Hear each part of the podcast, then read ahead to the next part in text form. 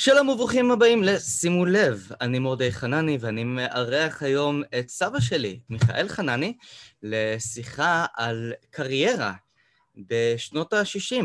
איך אה, התפתח מושג המתמטיקה השימושית למחשבים, ומה ציפיתם למעשה? מה, מה חשבתם שיהיה כשכל הנושא הזה התחיל?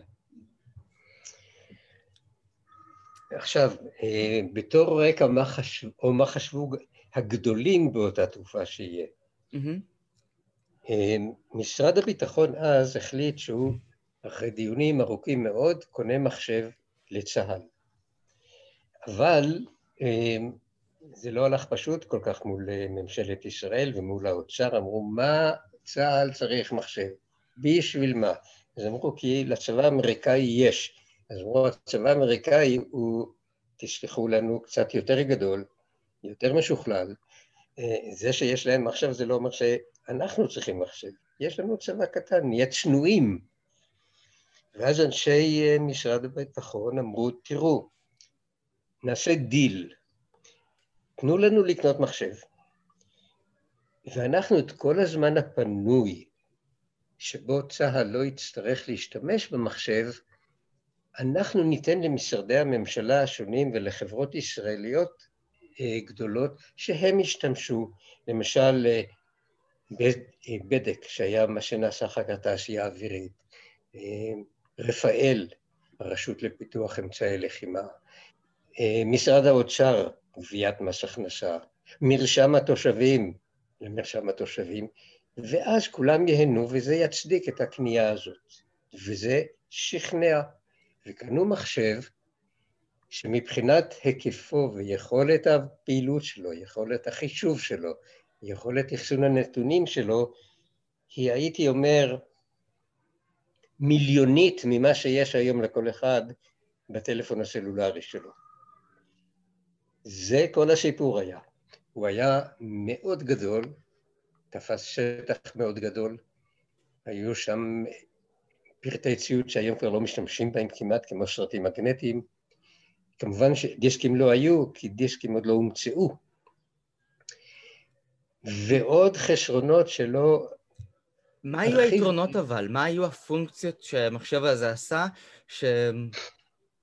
שאנשים לא יכלו לעשות... אה, או, אז קודם כל התחלנו לעבוד, והיה צריך אבל גם אה, את היצור הקטן הזה להעמיד לרשות הגופים האחרים, היה דיל. Mm-hmm. בקיצור, ככה התחיל הסיפור. אמ, מה שרצו לעשות בעצם בשלבים הראשונים זה לנהל בצורה מסודרת את כוח אדם בצה"ל, את המלאים, מלאי בצה"ל, מלאי של חיל אוויר, קצת עבודות בתחומים יותר אה, אה, רכים נקרא לזה, כמו מודיעין, ומה עוד? זה הכל. אז זה היה בערך תוכנת אקסל עם מדפסת. או, אקסל זה... יותר מדי מתקדם. ענק, ענק. אם ניכנס לפרטים הטכניים, אז אה, אנחנו עבדנו שם ב... אה, איך נקרא לזה? אם אקסל נקראת שפת מחשוב מהדור כפי שהיא באמת נקראת, מהדור הרביעי, אנחנו עבדנו מהדור הראשון. אבל אני, אני מדבר מבחינת הפונקציות, מבחינת מה שהתוכנות האלו, התוכנות, המחשב הזה עשה. זה בעצם חישובים. עשה, הוא עשה, הוא הוסיף, ידע להוסיף פריט למלאי ולגרוע פריט ממלאי, הוא ידע לרשום נתוני פרט, נתוני כוח אדם, ולעדכן אותם. מה עוד? פחות או יותר זה. וקצת גם חישובים, ייאמר, בכל הקשור בחישובים מתמטיים הוא עשה עבודה טובה. והיו גם מקומות שהיה נחוץ חישוב מתמטי מורכב, בעיקר מודיעין. עשה בסדר גמור. זאת אומרת, וצריך לזכור שהמחשבים הראשונים נבנו לא כדי לנהל מערכות של אה, מערכות של גדולות של נתונים, המחשבים הראשונים נבנו כדי לעשות חישובים מתמטיים. Mm. גם בארץ היו כבר שני מחשבים שקדמו למחשב הצבאי, שנבנו במכון ויצמן, הווג'מטיק והוויצק, שנבנו במכון לטובת חישובים מתמטיים. מכון ויצמן בנה אחר כך עוד מחשב מאוד מפורסם, גולם, גולם א', גולם ב', שהוא היה בנוי לחישובים מתמטיים. המחשב שצה"ל רכש, החלק לחישובים מתמטיים בו היה חזק. הבעיה הייתה שאנחנו בפעם הראשונה, מה שניסינו לעשות זה להשתמש במחשב לא לחישובים מתמטיים, אלא לנהל מערכות גדולות, כמו מלאי, כמו כוח אדם, דברים שלכאורה נראים משעממים. ישבו פקידים ועשו את זה עד היום בלי שום בעיה. אמרנו, מחשב יעשה את זה, אם שאלת מה הוא יעשה, יעשה את זה יותר מהר. יותר מהר, hopefully, תקוותנו, שיהיה זה פחות שגיאות. וזה מה שניסו לעשות בראשית שנות ה-60. וכשאתה יצאת לדרך הזו של מתמטיקה שימושית, שעכשיו אני מבין את, ה... את, את מה שאמרו הגדולים והחכמים, שהתייחסו לזה כמו עוד איזשהו ענף של פילוסופיה, ואיזשהו כלי שיוכל לענות על שאלות פילוסופיות שהן לכאורה לא היו פרקטיות עד לאותו רגע. שאלה מה כן היה פרקטי באותה תקופה? מה אנשים עשו ש... אמ, בעצם, שאלה קצת מוזרה, כי אני חושב שכל דבר הבטיח לאנשים מקצוע ופרנסה. מה שעשו עד אז, באמת, בעזרת מחשבים זה, זה חישובים מתמטיים, השתמשו הרבה בעולם הפיזיקה, שזה לא כל כך משפיע על חיי היומיום שלנו, למעט אולי דבר אחד, שבין השאר גם פיצחו פצצת מימן, שזה אולי כן משפיע על חיינו, אבל זה לא בישראל. כן? פצצת המימן אה, נעזרה במחשב, mm. בחישובים. פצצת האטום עדיין לא. אז לש... בכיוון הזה, נגיד ככה, היה ברור מה אפשר לעשות בדבר, בציוד הזה, ועשו. מה שלא היה ידוע, והתחלנו מאפס, זה איך מנהלים מדינה, ארגון, מערכות גדולות, שאינן רק, שאינן, בהחלט לא חישובים מתמטיים משובחים, אבל יש בהם הרבה מאוד נתונים, והדיוק של ניהול הנתונים חשוב. וזה זה היה החידוש שלי יצא להיות אחד מהחברים פה שעשו בראשית שנות ה-60. אמ, בעצם עד סוף שנות ה-60, פחות או יותר, זו הייתה הגישה וזו הייתה המטרה וזה מה שניסו לעשות, בהצלחה טובה יותר וטובה פחות. אמ, המעניין היה לי דווקא לעקוב בחצי השני של שנות ה-60 והלאה, שאז אני הייתי בארצות הברית ולמדתי לדוקטורט. או, אז איך הדבר הזה, קודם כל, איך הגעת למצב שבו נסעת לארצות הברית? כבר היית עם משפחה? אמ, אתה כן. נסעת עקב מלגה, עקב אמ, הצעה מעניינת? אמ, הקשר, נוצר קשר ביני לבין פרופסור אחד מסוים וידוע מאוד באוניברסיטת נורת'ווסטרן, דרך תלמיד ישראלי אחר שהיה לו לפניי, ושאני הכרתי אותו. איש מהטכניון, עדי בן ישראל שהוא. הוא יצר בינינו את הקשר. ואותו פרופסור, פרופסור צ'ארנס, הזמין אותי לבוא לעשות דוקטורט בנורת ווסטרן אצלו במתמטיקה שימושית. מתמטיקה שימושית זה, זה תחום מסוים, יש בו הרבה נושאים, לא ניכנס לכל הנושאים שבו, אבל הוא איננו בהכרח מדעי המחשב. אם כי מחשב עזר גדול מאוד בחישובים שעושים בו.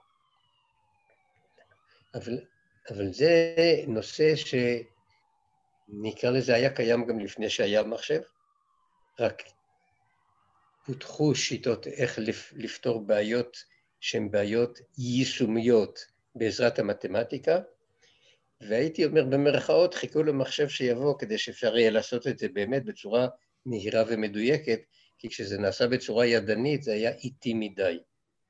אבל זה הנושא שהיה אז בין הנושאים החמים, והוא הזמין אותו לבוא אה, לעשות את הדוקטורט, והמעניין הוא שהתחום שבו הוא עסק נתמך על ידי לא הצבא האמריקאי במקרה זה, אלא על ידי חיל הים האמריקאי. ואז הוא שידר לי מלגה של חיל הים האמריקאי, לבוא ולעשות דוקטורט במתמטיקה שימושית. עכשיו, מדוע דווקא חיל הים וגם הצבא? כי במלחמת העולם השנייה נוכחו כל זרועות הצבא האמריקאי, וגם האנגלי, אבל בעיקר האמריקאי, גם חיל האוויר, גם כוחות היבשה וגם חיל הים, הם התפעלו מהתרומה של המתמטיקאים השימושיים למאמץ המלחמה שלהם. והיה להם אמון רב מאוד במתמטיקה שימושית, ויצרו קרנות להמשיך ולחקור את התחומים האלה של מתמטיקה שימושית, כי הם עזרו להם מאוד. ולכן זה נקרא אולי שימושי, כמו הרבה דברים, השימושיות מתחילה הרבה פעמים, ב, לצערנו, במלחמות ובצבאות.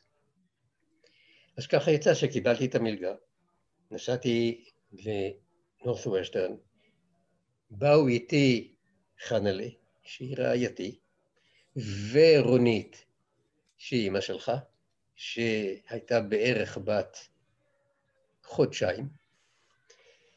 אני נסעתי קצת קודם, כי לפני הגיעה לגיל חודשיים לא הרשו לה לעלות למטוס. אמרו, חששו כנראה שהמטוס ייפול או משהו. בכל אופן, היא הגיעה קצת יותר מאוחר. התמקמנו לנו בבית דירות של סטודנטים בעלי משפחות בארצות, באבנסטון, שזה עיירה קטנה, עיר קטנה מצפון לשיקגו, ששם האוניברסיטה נמצאת. התחלתי לעבוד על הדוקטורט וללמוד.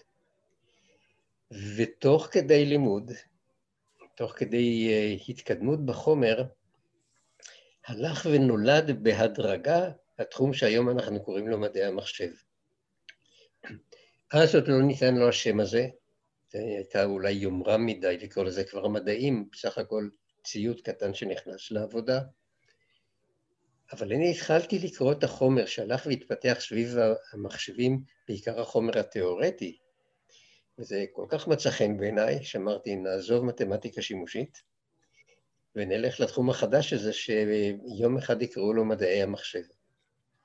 ובאמת, את התזה כבר עשיתי בתחום החדש הזה, אישרו לי באוניברסיטה לעשות את זה תחת הכותרת מתמטיקה שימושית, מפני שלא היה משהו אחר. אז תחת הכותרת מתמטיקה שימושית הגשתי תזה שבעצם עניינה זה מדעי המחשב, דברים שהיו מאוד חדשים אז בתחום, הד... בדיסציפלינה החדשה הזו שנקראת מדעי המחשב, וזה היה כיוון אחד, וכיוון שני, לקראת סוף השהות בארצות הברית, התחילה להתפתח דיסציפלינה נוספת, שהיום אנחנו קוראים לה מערכות מידע. שזה שימושים במחשב לצורכי ניהול מערכות גדולות, שהיום זה בעצם הפך להיות העיקר. אבל אז התחילו להתפתח תיאוריות ושיטות איך לעשות את זה בצורה מדעית ונכונה, ולא איך לעשות את זה כ... כעבודה של פקיד עם מכשיר עבודה קצת יותר משוכלל.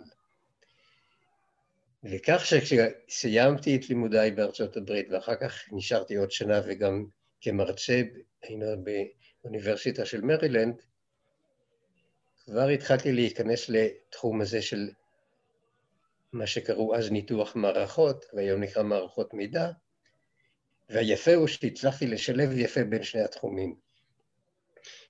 ואני חושב שהעבודות שעשיתי בהמשך הדרך, שאני רואה באמת החשובות ביותר, שעשיתי, מבוססות על שילוב של שני התחומים האלה. כי בדרך כלל אנשים יתמחו או באחד, שזה מדעי המחשב, או באחר, שזה מערכות מידע. והחיבור ביניהם אה, לא היה.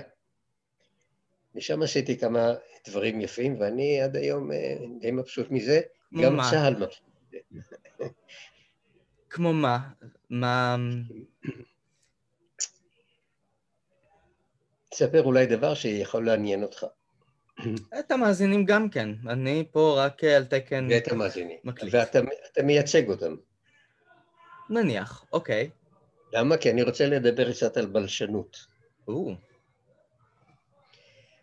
אחד הנושאים שהתמודדנו איתם כבר בסוף שנות ה-60, התחום שלנו להתמודד, הוא אה, לנסות ולנתח ולהבין שפת אנוש במחשב. אני חושב אה, שנגיד בשורה תחתונה עד היום לא הצליחו. יש כל מיני תרגילים שעוקפים את הבעיות הקשות, וכיוון שמחשבים הם חזקים יותר, אז הם נותנים דרכים להשתמש בכוח של המחשב כדי להתגבר על בעיות עקרוניות שאותן לא הצליחו לפתור. אמ, ולכן, דרך אגב, אני גם התעניינתי בנושא הזה, אבל ראיתי, הייתה לי תחושה, אחרי קריאת חומר, שבזה אי אפשר יהיה להתקדם להבין שפת אנוש, ולכן לא עשיתי בזה תזה, את התזה שלי, רציתי לעשות תזה בדבר שיש לו סיכוי טוב גם להצליח, וזה היה שימושים מסוימים דווקא במדעי המחשב. אמ, אבל הנושא הזה של להבין שפת אנוש במחשב כל הזמן איפשהו דגדג. כשחזרנו לארץ, בגיל, אה, בשנת 1970, ורונית כבר הייתה בת שש, והתחילה כיתה א', ודנה כבר נולדה, שהיא ביתנו הג'ינג'ית, השנייה. אמ, כן, כשחזרנו, אחד הדברים הראשונים שקרו זה החזיר אותי למילואים בצבא. כמובן זה קורה לכל מי שחוזר מחוץ לארץ והיה בהמתנה בהיותו מחוץ לארץ, חזרנו ישר במילואים, החזירו אותי לאותה יחידה שבה הייתי, שזה אחת, אחת השלוחות של ממר"ם, שנקרא אז ממק"א, זה מרכז מיכון כוח אדם. ביחידה הזו היו אנשים יוצאים מן הכלל חכמים, באמת. קבוצה טובה מאוד.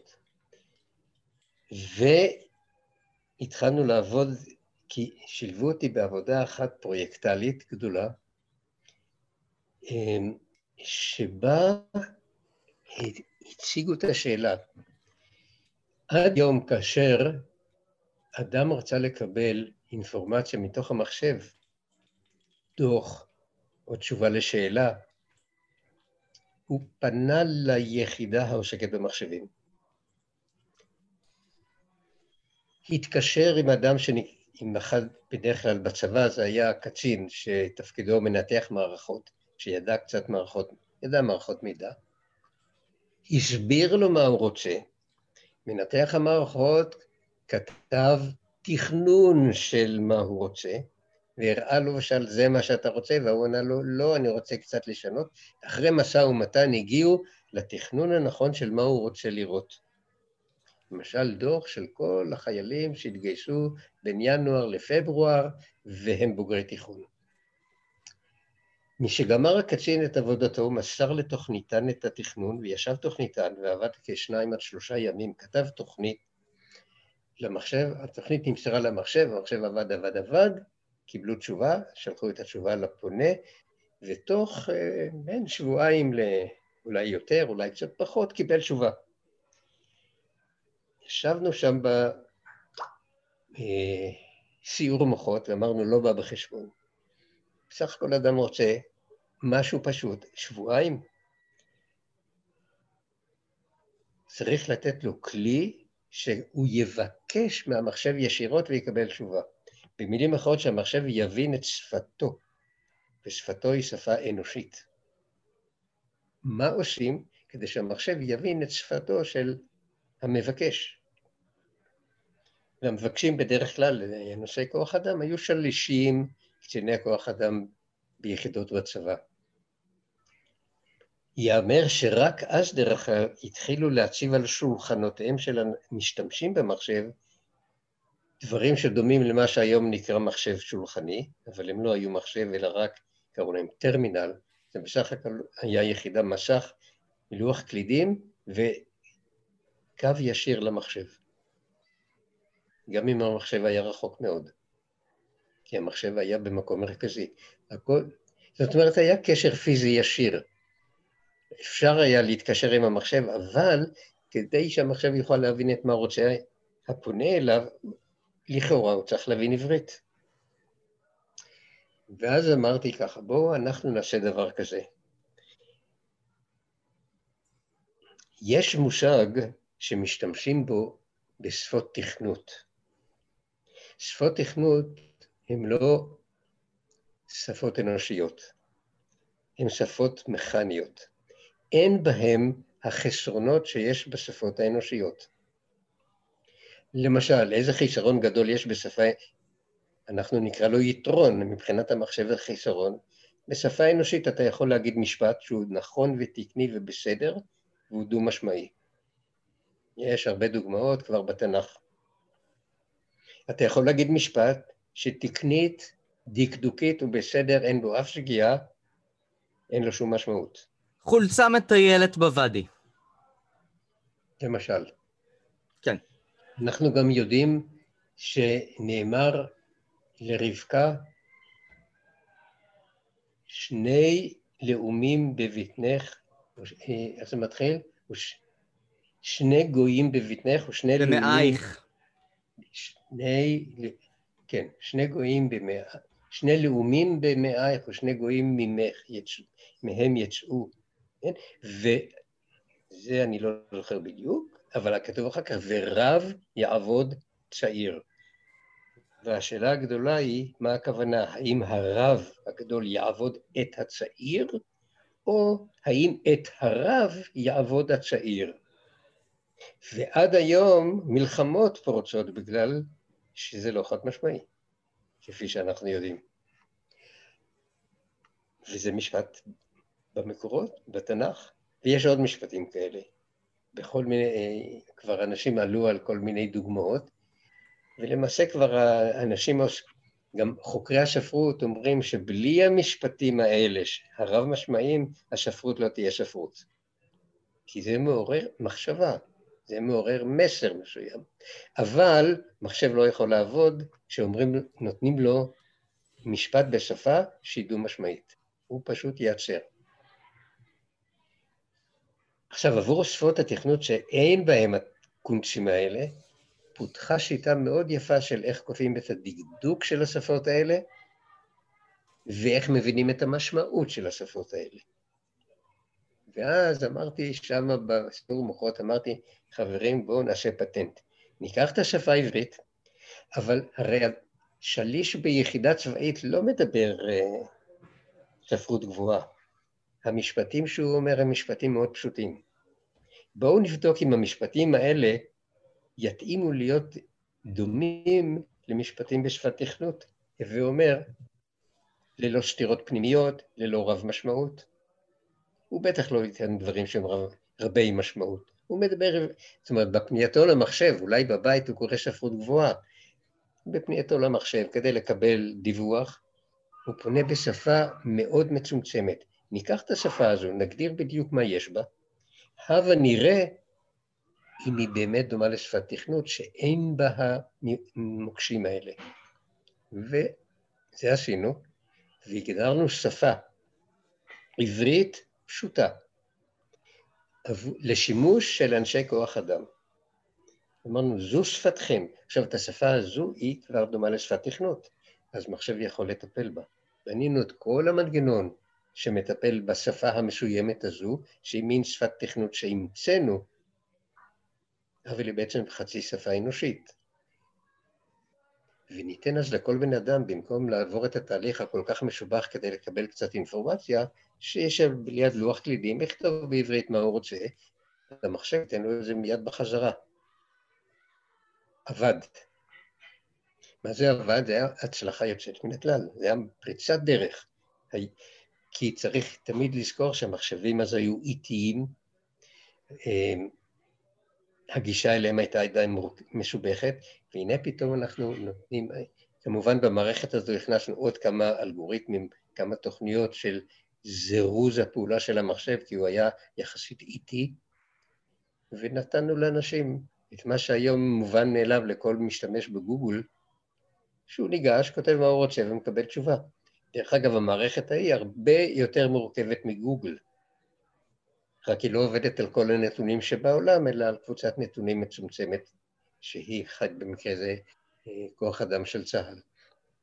אבל מבחינת השאילתות, זאת אומרת, הפניות והבקשות, הרבה יותר משוכלל ומורכב מגוגל. אפשר לתת שם בקשות אם אה, אני רוצה את זה ואת זה, ואם לא תמצא את זה, אז תיתן את זה. בגוגל מפחדים לתת את זה בידי משתמשים, כי זה יותר מדי, זה יבלבל. נתנו את הכלי הזה במתנה.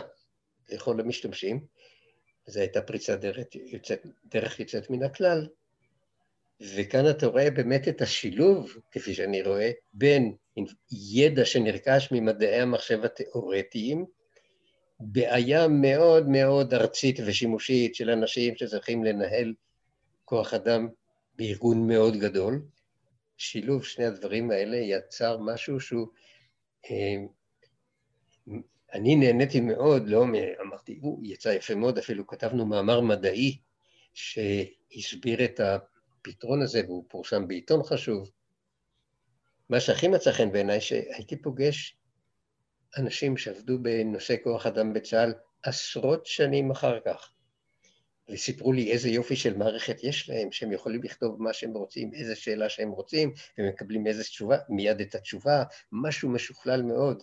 שלושים שנה אחר כך, העולם כבר רץ קדימה בכל הכיוונים. המערכת הזו עדיין עובדת ועדיין התפעלו ממנה. זאת אומרת, זה היה משהו טוב. עשו דוגמה, ובנינו עוד כמה דברים מן הסוג.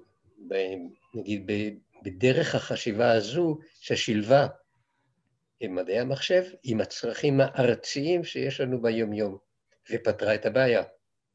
זהו, אוקיי, פחות או יותר. אני יכול לתת דוגמה מאיפשהו שאני אה, יודע איך דבר כזה עובד היטב. יש מאגר אה, של תיאטרון דווקא, שבו במאים או קבוצות תיאטרון יכולים לחפש מחזות לפי שאילתות נורא מורכבות של אה, כמה, מספר אנשים, גילאים, בנים בנות, people of color, מוזיקלי, מודרני, קלאסי, ממש, אתה יכול לבנות שם שאילתות על גבי שאילתות, וזה ימצא לך. כמות נכבדה. אז, אז אה, זאת אומרת שהאנשים האלה או שחשבו לבד, או שקראו את המאמר. כנראה, אבל אני... כן. עכשיו, עכשיו, עכשיו אני יכול להעריך את, אה, את עבודתך בתחום המחשבים. כן. כן. אז זה אלה, זה ודברים דומים שבמהלך שנות ה-70, שבאמת היו מבחינה זו הצלחות. אני במקביל עבדתי בחיים האזרחיים, בשנות ה-70 הייתי באוניברסיטת בן גוריון, גם בתחום של מדעי המחשב וגם בתחום של מרכז החישובים שהקמנו באוניברסיטה, ממש מכלום, מרכז חישובים מכובד מאוד. מדעי המחשב, יצא, יצא, לי, יצא לי ללמד כמה מחזורים של תלמידים, שנעים להיפגש איתם עד היום. בין התלמידים האלה, אחד היה אה, לאחר מכן מנהל שלי, הוא היה המנהל הכללי של אה, תרכובות ברום. התחלנו את הדרך בפגישה שהייתי מורה שלו. אמ, וכן הלאה, פגשתי בכל מיני מקומות תלמידים וקידמנו דברים יחד גם לפעמים. אבל בסוף שנות ה-70 החלטתי שהנושא היישומי יותר מעניין אותי מן האקדמי. הרבה יותר מרתק, בעיקר שהיו לי הרבה כלים תיאורטיים שעדיין לא יושמו בשטח. ולא רק בצבא, גם אה, בחיים האזרחיים יש מקומות ש... שדברים עמדו לא נכון. הם עבדו כפי שהקימו אותם בשנות ה-60 וה-70, בלי רקע תיאורטי מאוד אה, מעמיק. אמרתי, אחרי כל הלימודים וכל הידע הזה שרכשתי, נלך ונעשה משהו שיהיה בעל ערך גם בעולם היישומי, בעולם המעשי. ואז עברתי, מאז אני נמצא בעולם המעשי. תמיד רגל אחת גם בעולם האקדמי, תמיד היה לי קורס או באוניברסיטת בן גוריון או במקומות אחרים, כך ששמרתי כל הזמן גם על הקשר האקדמי, הקשר עם הסטודנטים, ומצד שני ההתמודדות עם העולם התעשייתי, בעיקר התעשייתי, שהוא סיפור אחר. עכשיו, אמ, בוא ניתן למשל איזושהי דוגמה לאיזושהי מהפכה קטנה נוספת שעשית שעליה אני יודע, אה, בתחום בתי החולים. שבבתי החולים לא ספרו נכון את האנשים. אמ, כן, עשיתי את זה עוד כשהייתי באוניברסיטת בן גוריון, וביקשו שאהיה, אעבוד עם אמ, מה שהתחיל להיות, בעצם להקים יחידת מחשב במרכז הרפואי סורוקה. אמ, אחד הדברים הראשונים שעשו שם, וזה דרך אגב היה מערכת שנמסרה לסורוקה מקופת חולים, ממרכז קופת חולים, זו מערכת שנקראת בעולם הרפואי אמ, ATD. עד היום היא קיימת, עובדת, אל, אל תתקרב לסורוקה, אבל אם במקרה מישהו יספר לך על בית החולים הזה, זה עובד שם עד היום, וגם במקומות אחרים. ATD, מערכת שנכתבה במרכז קופת חולים, שהייתי קורא לה, לא, היא לא משהו גדול, מערכת מלאי. A, admission, קבלת חולה, T, transfer, העברה ממחלקה למחלקה, D, discharge, יוצא מבית חולים. לא חשוב איך, יוצא. ATD, זה השם, וזה שם מקובל בעולם הרפואי עד היום, הקימו את זה במרכז קופת חולים. בעצם מערכת מלאי, מלאי אנשים, אתה מכניס, מעביר ממקום למקום, מוציא. המערכת יושמה בבתי החולים של קופת חולים, סורוקה אחד מהם, וביקשו ממני ל- ללוות, היא יושמה דרך משרד הקבלה, ללוות את משרד הקבלה בהטמעה של המערכת הזאת. שיעברו מעבודה ידנית לעבודה במחשב. אז עד עכשיו אנחנו דיברנו על אנשים שמתאשפזים, אנשים שמשתחררים ואנשים ש... עוברים ממחלקה למחלקה. ממחלקה, עוברים ממחלקה למחלקה, אבל יש אנשים שבאים לעולם בבתי החולים. איפה הם נכללו? פה, פה, לא, אז פה אתה הקדמת את המאוחר, כי, כי זו הייתה בעיה יפה בניתוח מערכות, מה שאנחנו קוראים במערכות מידע. התוכניות עבדו פיקס בסדר, לא היו טעויות, לא היו באגים, הפקידים ידעו לתקלד, וכשתקלדו בלי שתקלדו, הרבה שגיאות המערכת הייתה יודעת לתפוס ולתקן, עבד מאה אחוז בסדר. הייתה מה שישבתי איתם, עבדנו לילה שלם, העברנו את כל הנתונים לתוך המחשב. פתאום שאלתי אותם, תגידו לי, אה, אתם שמים לב שבמערכת הזו יש רק דרך אחת לרשום פציינט שנכנס לבית החולים. הדרך היא, הוא מגיע למשרד הקבלה, ואתם רושמים אותו ומכניסים אותו למחלקה. יש כאלה שמגיעים לו עלינו דרך... דרך אה, אה, כל בשר.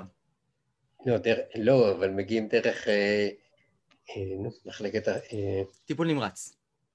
דרך חירום, לא, דרך... אה, מגיעים באמבולנס בחירום, mm-hmm. ישר, ישר, ל, אה, ישר לטיפול בחירום, אפילו חסרי הכרה, אבל תשים לב שבכל בית חולים משרד הקבלה צמוד למיון, למיון החירום. כן, יש אנשים שבאים לפי הזמנה להתאשפז ועוברים ישר, נכנסים למשרד הקבלה. מי שמגיע למיון חירום, שהוא לא במצב טוב, אז יש בעיה, מי ירשום, איך הוא יירשם? ולכן משרד הקבלה נמצא תמיד צמוד למיון החירום, על מנת לוודא שגם אם רושמים אותו בהתחלה בצורה זמנית, שלאחר מכן יעקבו אחריו ויירשם, עם, חשוב, עם מספר התעודת זהות שלו. כי בלי מספר תעודת זהות הוא איננו, לא יודעים מי הוא. אבל היה ברור לכולם שאדם מתאשפז או דרך מיון חירום או דרך משרד הקבלה. זאת אומרת, הם נמצאים זה ליד זה. אין דבר כזה שבן אדם פתאום מתאשפז בבית חולים והוא לא עבר שם קודם. שאלתי אותם, אבל יש כאלה, כמו שאתה אמרת. מה קורה לאחד שהוא נולד בתוך בית החולים? הוא פציינט, והוא לא עבר דרך המשרד שלכם. מה עושים? אמרו, אופס. טלפנו למרכז קופת חולים, אמרו, אופס, באמת שכחנו. זאת אומרת, זה מצביע, אני מביא את זה כדוגמה לשמה נחוץ מנתח מערכות, או היום קוראים לו איש מערכות מידע, הוא צריך היה למנוע את זה. הוא היה צריך לדעת, כי מי שכתב את התוכניות כתב בסדר גמור. אין שגיאות, הכל בסדר, עובד טוב. מה לא עובד טוב? התכנון של המערכת עובד לא טוב.